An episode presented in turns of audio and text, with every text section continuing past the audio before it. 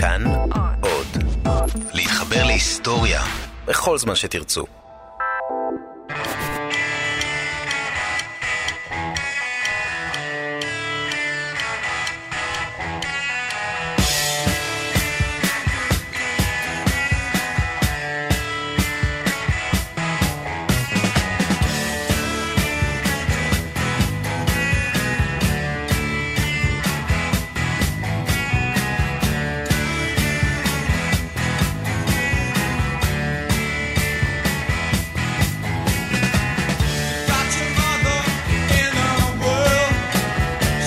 בפרק החשמונאים גרסת היוונים הזכרנו את המרד הגדול של החשמונאים בשלטון הסלאוקי שהוליד את ממלכת היהודים הגדולה והארוכה בהיסטוריה.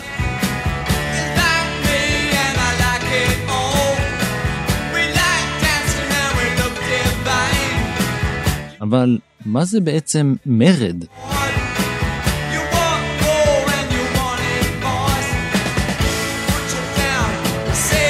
על פי מילון אבן שושן, מדובר בפריקת עול, בהתקוממות, התפרצות נגד שלטונו של מישהו. המילה מרד לא מקורית לשפה העברית. כיאה לאזור שעבר אין ספור כיבושים, משטרים זרים ומרידות, המילה מרד מגיעה משורש שמשתמשים בו בכל המרחב המזרח תיכוני. בארמית המילה היא מירדה, בערבית תמרדה, ובסורית מרדה. חוץ מהתקוממות על השלטון, השורש הזה מציין גם עוז רוח, מעין תקיפות, נחישות ועקשנות. כך למשל מוזכר בספר דברי הימים בנו של עזרא, מרד.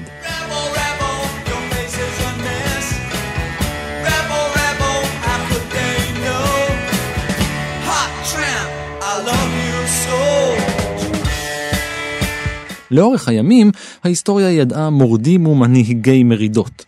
אתם מכירים חלק מהשמות כמו ספרטקוס, ויליאם וואלאס, לב אמיץ, צ'ה גווארה, בר כוכבא ומרדכי אנילביץ', אבל את סיפורה של המלכה הלוחמת, הנביאה והמורדת הגדולה דיה, כנראה שפספסתם.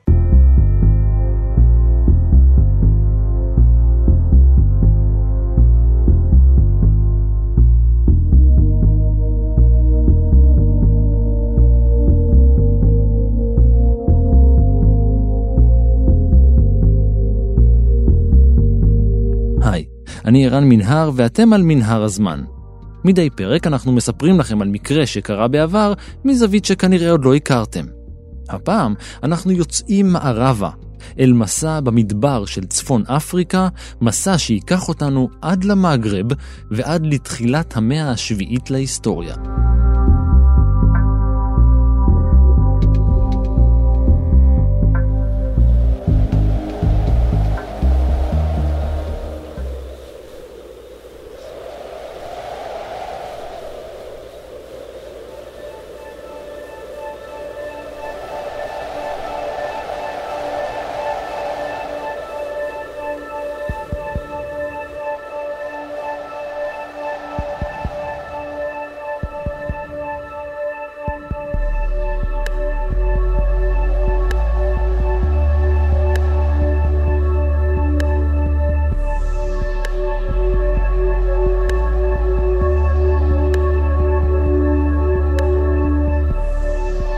כשאתם חושבים על מדבר הסהרה, יש מצב שאתם מדמיינים חולות, דיונות אינסופיות, את רחש הרוח מייבב סביבכם, וזהו.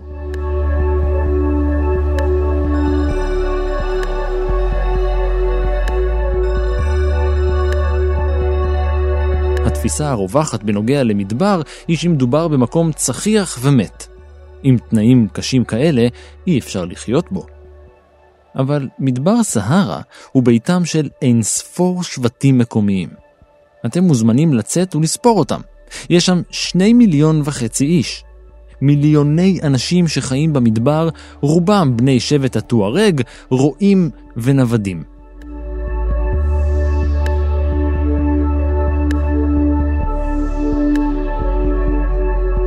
הטוארג הם שבטים רועים נודדים המתגוררים בעיקר במדבר סהרה שבצפון אפריקה. זוהי דוקטור לימור שריר, רופאה, סופרת ומנהלת קורס ספרות ורפואה בפקולטה לרפואה על שם סקלר באוניברסיטת תל אביב. אה, בני שבט הטוארג מכנים את עצמם קל תמש"ק, כי הם דוברי שפת התמש"ק. אגב, אני ראיתי כאלה בטיולי במרוקו, אני נתקלתי בטוארג, אבל לא דיברתי איתם, והם באמת אה, נראים מין אה, איזה בדואים על גמלים עם, עם גלימות כחולות, ובסך הכל הם היו מסבירי פנים לתיירים, כי הם רצו אה, להתפרנס. אז אני לא ידעתי את כל ההיסטוריה שלהם ולא יכולתי לדבר איתם, אבל הם בכל זאת מלהיבים את הדמיון של הקורא, בספר למשל, או בסרטים. השם שלהם ניתן להם על ידי מגלי ארצות והיסטוריונים מימי ליאו אפריקנוס. עכשיו, כיום יודעים שהם נפוצים בעיקר במערב אפריקה, ויש להם כתב עתיק אשר שימש אותם במשך מאות שנים, אשר נקרא טיפינר. ומקור השם הטוארג, ככל הנראה המילה היא כינוי הרבים של טרגי או טרג'י, שמשמעותה בעבר הייתה תושב טרגה. אזור המיוחס לאזור פזן שבלוב. וכמו שאמרתי, הם בעיקר לובשים אה, גלימות כחולות, ולכן הם מכונים גם האנשים הכחולים, ואני דווקא ראיתי אותם בסהרה, והם אה, הראו לנו את הדיונות, והושיבו אותנו על גמלים, וכדי לתת לנו אווירה של חוקרי סהרה, מפליגים על אוניות המדבר, וזה היה מאוד רומנטי.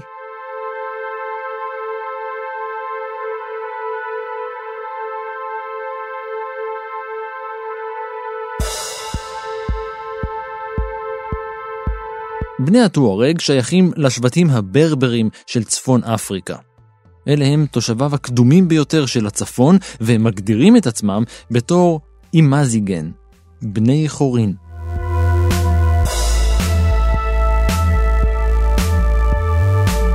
הברברים הם אה, מוסלמים סונים מאז הכיבוש הערבי. לשונותיהם הילידיות שייכות לקבוצת השפות הברבריות שהן שפות אפרו-אסיאתיות. אבל רוב הברברים דוברים גם ניבים מקומיים של ערבית בהתאם לאזור בו הם חיים. עכשיו, בניגוד או למרות ההיסטוריה של כיבושים, שמרו הברברים על אחידות תרבותית. עד לכיבושם בידי ערבים ומוסלמים במאה השביעית החזיקו הברברים באמונות שונות. חלק היו פוליתאיסטים, חלקם נוצרים וחלקם בעלי אמונות ודתות מקומיות.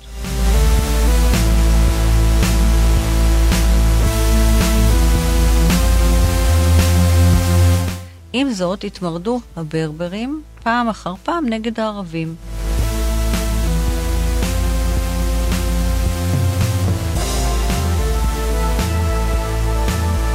תחילת התרבות הברברית לא ידועה. מה שכן ידוע זה שהם היו עוד בימי המצרים הקדמוניים לפני 4,500 שנה. הם האמינו באלים שונים ומשונים, תחזקו דתות מקומיות, וכשהגיעה הנצרות, חלק גם התנצר, אתם ודאי חושבים, ומה עם היהדות? אז רגע, עוד רגע נגיע לעניין הדת היהודית. במאה השביעית לספירה, אחד מהשבטים האלה היה זנטה, שבט ברברי של נוודים שהתפרס ממצרים ועד מרוקו. הם היו נוודים, ובתחילת המאה התאסלמו כולם. זה היה חריג אני יכולה רק לדמיין מהסיורים שלי, הייתי פעמיים במרוקו לצורך מחקר על ספרי אה, סודות מרקש. אז אני רואה אותם נוודים אה, באוהלים, עם גמלים וכבשים, מתפרנסים בצורה של נוודים. קשה לדעתי מאוד לכבוש אותם. אני חושבת שהם הם, הם נאלצים אה, לקבל את השליט שהוא חזק מהם, אבל הם לא הם מנסים לקבל את הטוב מהשליט הזה, להיטמע כדי עד יעבור זעם, אבל הם חוזרים לעצמם. נראה לי שהם לא מוותרים על הזהות שלהם או לא יוותרו על הזהות שלהם, בייחוד אלה חיו באזורים הרריים, הם שימרו את המסורת שלהם, גם היה יותר קשה לכבוש אותם. בניגוד לזנאטים, שהפכו כמעט מיד לערבים, שאר השבטים הברברים לא היו מרוצים מהאסלאם שהגיע, והם לא ששו להיכנע לחליפות האסלאמית הצעירה והכובשת.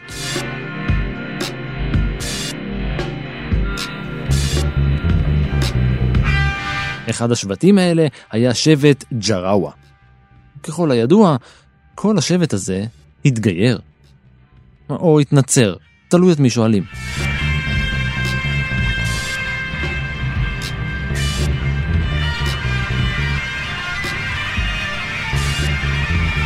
מה שאני יודעת שהיהודים שימשו אה, מתווכים לאחר הכיבוש הערבי בין הברברים שהיו בערים ולבין הערבים, והעבירו סחורות והתפרנסו. אה, עכשיו, ייתכן שהברברים האלה התייהדו, או בגלל הקרבה ליהודים, הם, הם אה, סיגלו לעצמם מסורות יהודיות ואפילו מצוות יהודיות.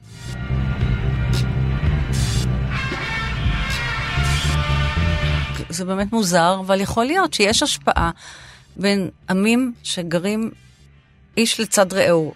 באופן היסטורי אולי, כן הייתה השפעה, כי היו יחסים, כן, יחסי מסחר, אינטרסים, אני לא יודעת אם אפשר להגדיר את זה כיחסים טובים או רעים, אבל כשיש אינטרסים ומתחילים להתחבר, ואנשים מכירים אחד את השני בפרטים, ולא כעם או כובש, אז אני חושבת שצריכות להיות השפעות אה, תרבותיות, מסורתיות, ולכן ייתכן שאותם שבטים סיגלו לעצמם התנהגות אה, או מסורות יהודיות.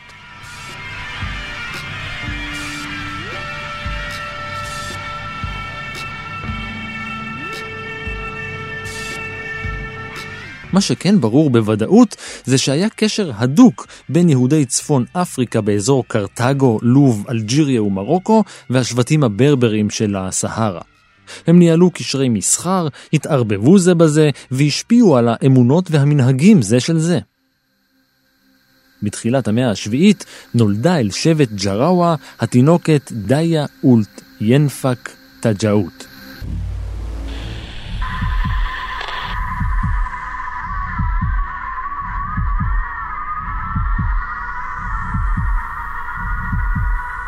אבא שלה היה מנהיג השבט, ולפי כמה מקורות, יש מצב שכל המשפחה הזאת בכלל הייתה יוונית במקור. החברים שלה הכירו אותה כדהיה או דמיה. למרות שלא הרבה ידוע על ילדותה, אנחנו יכולים לספר שהיא גדלה בהרי האורס, כיום בשטחה של אלג'יריה, ושהייתה לה משיכה לציפורים. שזה די הגיוני אם חושבים על זה שמדובר במדבר.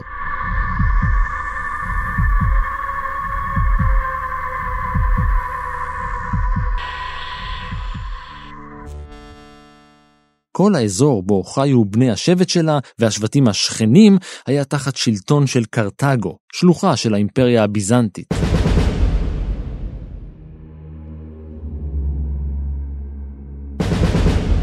אבל מעבר לאופק המזרחי כבר נראו ענני האבק של הממלכות שנופלות זו אחר זו לכיבוש המוסלמי.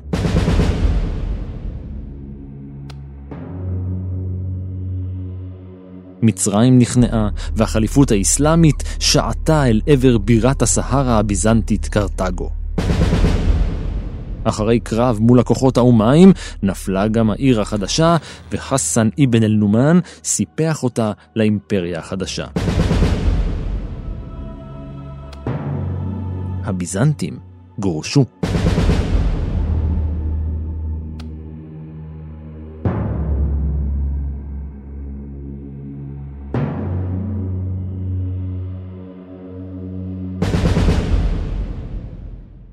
המוסלמים חיפשו עוד מתנגדים לנצח, והברברים היו המטרה הבאה שלהם. הם לא לקחו בחשבון את המנהיג המקומי שלהם, אקסיל, נמר, שניהל איתם מאבק עיקש. הוא עצמו לא לקח בחשבון את זה שמדובר באימפריה, ונהרג בקרבות בשנת 690. אתה יודע שלאקסיל, החוקר היחידי שכתב ספר בעברית, שקוראים לו נחום סלושץ, הוא קורא לו קוצילה. תראה, באופן הגיוני הייתי אומרת לך שהולך, ש... ששבט מאבד מנהיג, הוא מוצא לעצמו מנהיג אחר. זה טבעי, לא?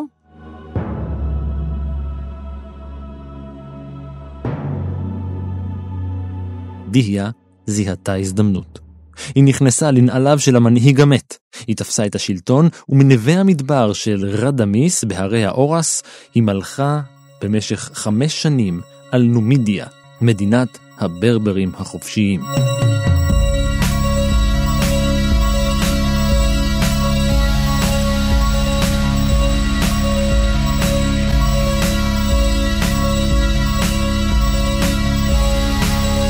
היא נודעה בכל המרחב כמלכת הברברים.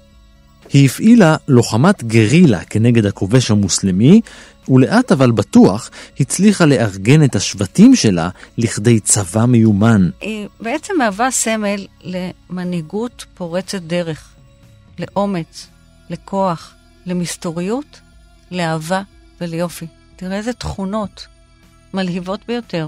והנהיגה את השבטים הברברים במאבקם נגד הכיבוש הערבי של אזור המגרב כולו. המוסלמים, ששמעו על מלכת הברברים, החליטו לבוא ולכבוש גם את הממלכה שלה.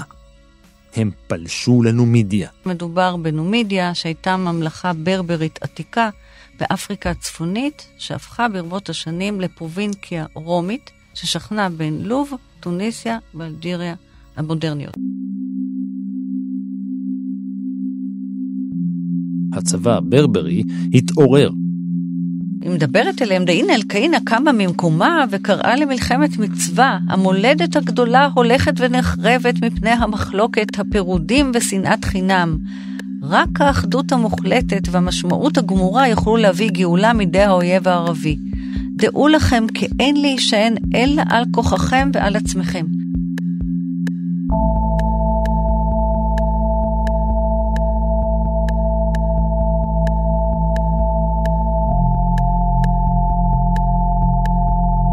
בשנת 698 נפגשו שני הצבאות במסקיאנה, כיום באלג'יריה, במה שנודע כקרב הגמלים.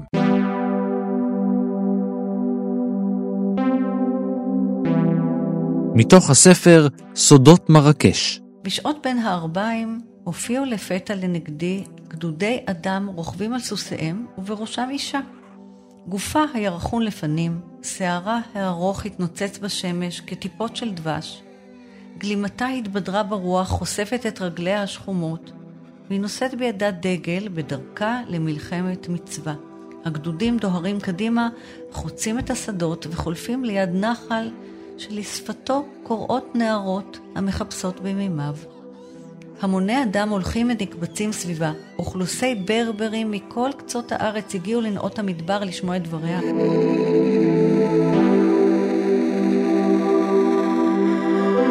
בסופו של קרב, הברברים הביסו את כוחותיו של אבן אל-נומן והוא נמלט מן האזור. הכוחות המוסלמים נסוגו והתמקמו בלוב, שם הם אגרו כוחות וגיבשו תוכנית במשך כמה שנים. גם דהיה עשתה פעולות בשטח שלה. היא ביססה את האומה שלה בשטח, הקימה מוסדות ומערכת שלטון מרכזית, בעיקר כדי לתמוך בצבא שלה, אבל המערכת הזאת שירתה גם את שאר יושבי הארץ. היא עלתה לגדולה בקרב בני ארצה, אבל לא כולם.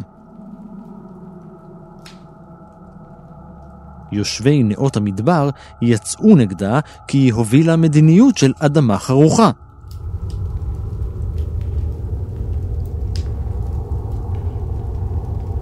מתאר אותה נחום סלושץ. היא משלה בהוד וגאות, כאשת החיל שבמקרא היה עוז והדר לבושה ותשחק ליום אחרון, והיא חשבה כי ההשגחה הועידה אותה למשול על עמים וארצות, ויותר מכל, היא התחילה להתרחק מהמקור שלה. היא הייתה בת, בת מדבר ברברית פשוטה, שחיית חיים צנועים, והיא התחילה להתמכר לחיי תענוגים ואדנים, בעוד שאת מסע הממלכה הגדולה עזבה כרגיל בידי שרים וראשי שבטים. אז היא ערכה מינויים.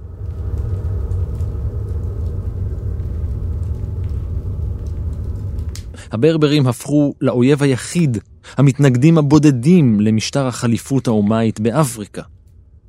וכמו קוץ קטן קטן קטן באצבע, הכובשים לא יכלו להתעלם. הם היו חייבים לסלק את המטרד, לכן הם השקיעו משאבים אדירים וכוח אדם בניסיונות להביס את הברברים הסוררים.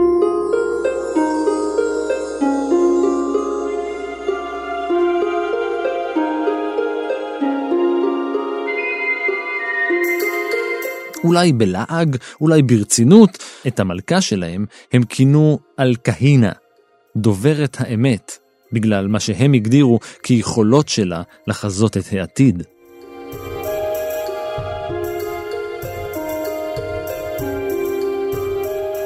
מעניין אם היא חזתה את שנת 703. אז חזר הגנרל המוסלמי חסן אל ממלכת הברברים עם צבא חדש. הפעם התלווה אליו בן ברית מפתיע.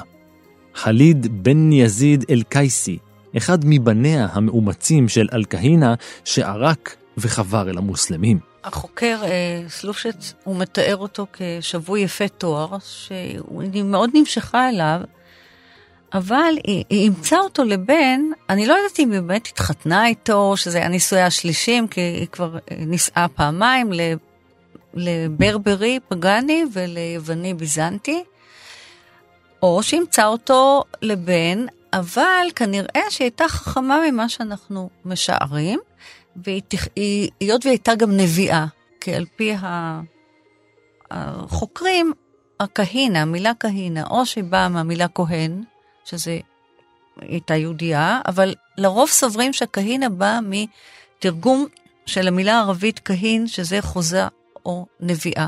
היא ראתה את העתיד.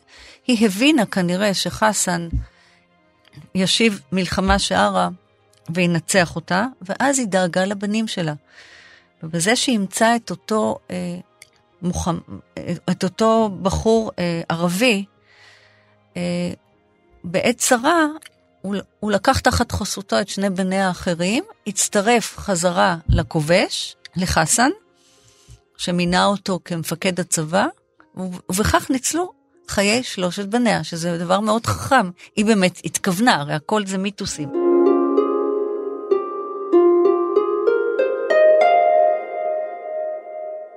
הקרבות התחדשו בטברקה, כיום בתוניסיה.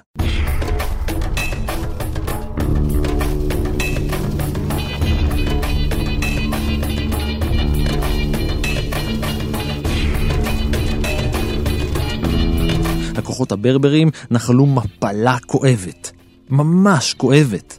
על כהינה מצאה את מותה בקרבות.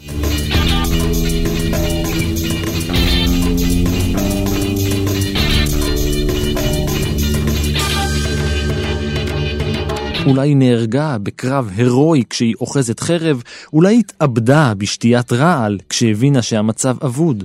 יש, נדמה לי, אני לא יודע אם זה אבן חלדון או אחרים סוברים שהיא מתה בגיל 127, זה באמת אה, גיל מופלג. אבל גם לגבי המיטה שלה יש מיתוסים. יש אומרים שהחסן, חייליו של חסן פשוט כרתו את ראשה ושלחו את, את ראשה של הדבורה הנביאה שלהם לדמשק. יש אומרים שהיא בלעה רעל, ויש אומרים שהיא דהרה על סוסה ובמכוון הפילה את עצמה לתוך באר כדי לא להיתפס בידי חייליו של חסן, גם המיטה שלה, כמו הלידה שלה, כמו השמות שלה, וכמו כל ההוויה שלה, אה, שרויות במחלוקת. המקום בו נהרגה נקרא עד היום ביר אל-כהינה.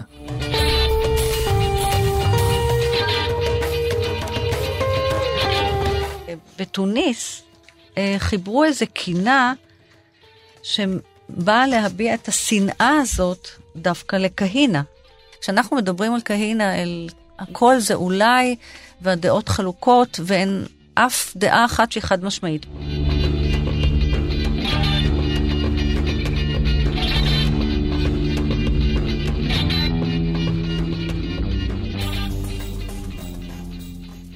הקולות המורדים בשלטון המוסלמי נדמו.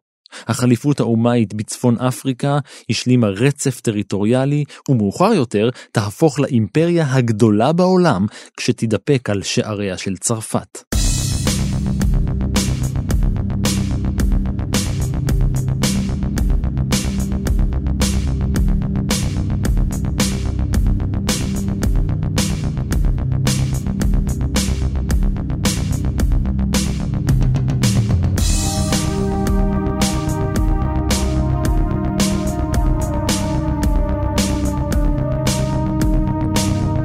הסיפור הזה של אלקהינה סופר לאורך המאות על ידי תרבויות שונות, ובכל פעם היה זה סיפור אחר. השמות של בני המשפחה שלה היו שונים, הייחוס השבטי היה שונה, והפרטים ההירואיים היו שונים. תלוי מי סיפר את הסיפור. אז יש חוקרים שרואים בסיפור עובדה היסטורית, ויש שדוחים את כולו ורואים בו אגדה רומנטית. אבל אני חושבת שבין אם היא דמות ממשית או היא מיתית, זה ערך מלהיב מאוד.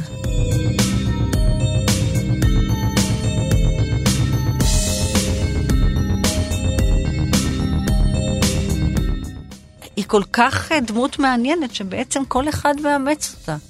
המוסלמים שנלחמו בקאינה תיארו אותה כמי שהתאסלמה והציגו אותה כדמות של מוסלמית קלאסית ששימשה דוגמה ומופת, כנראה במטרה לחבב את האסלאם. הצרפתים השוו את דהיה לגיבורה לאומית שלהם, לז'אן דארק, שנלחמה באנגלים ושבדומה לה נפלה בידי אויביה והומתה על ידיהם. ויש חוקרים המטילים ספק ביהדותה וסוברים שמדובר באגדה ובעצם דאינה אל-קאינה הייתה ברברית פגאנית.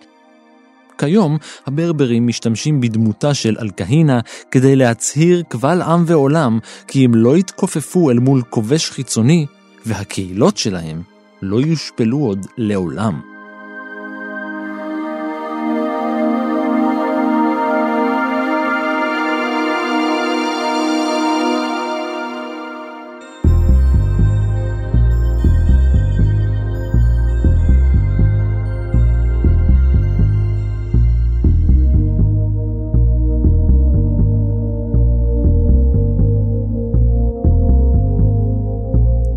ועד כאן מנהרת הזמן להפעם. תודה ללימור שריר, תודה גם לאור מנהר שמרד ב control והיה על ההפקה, ולניר גורלי שהקים אימפריה והיה על העריכה.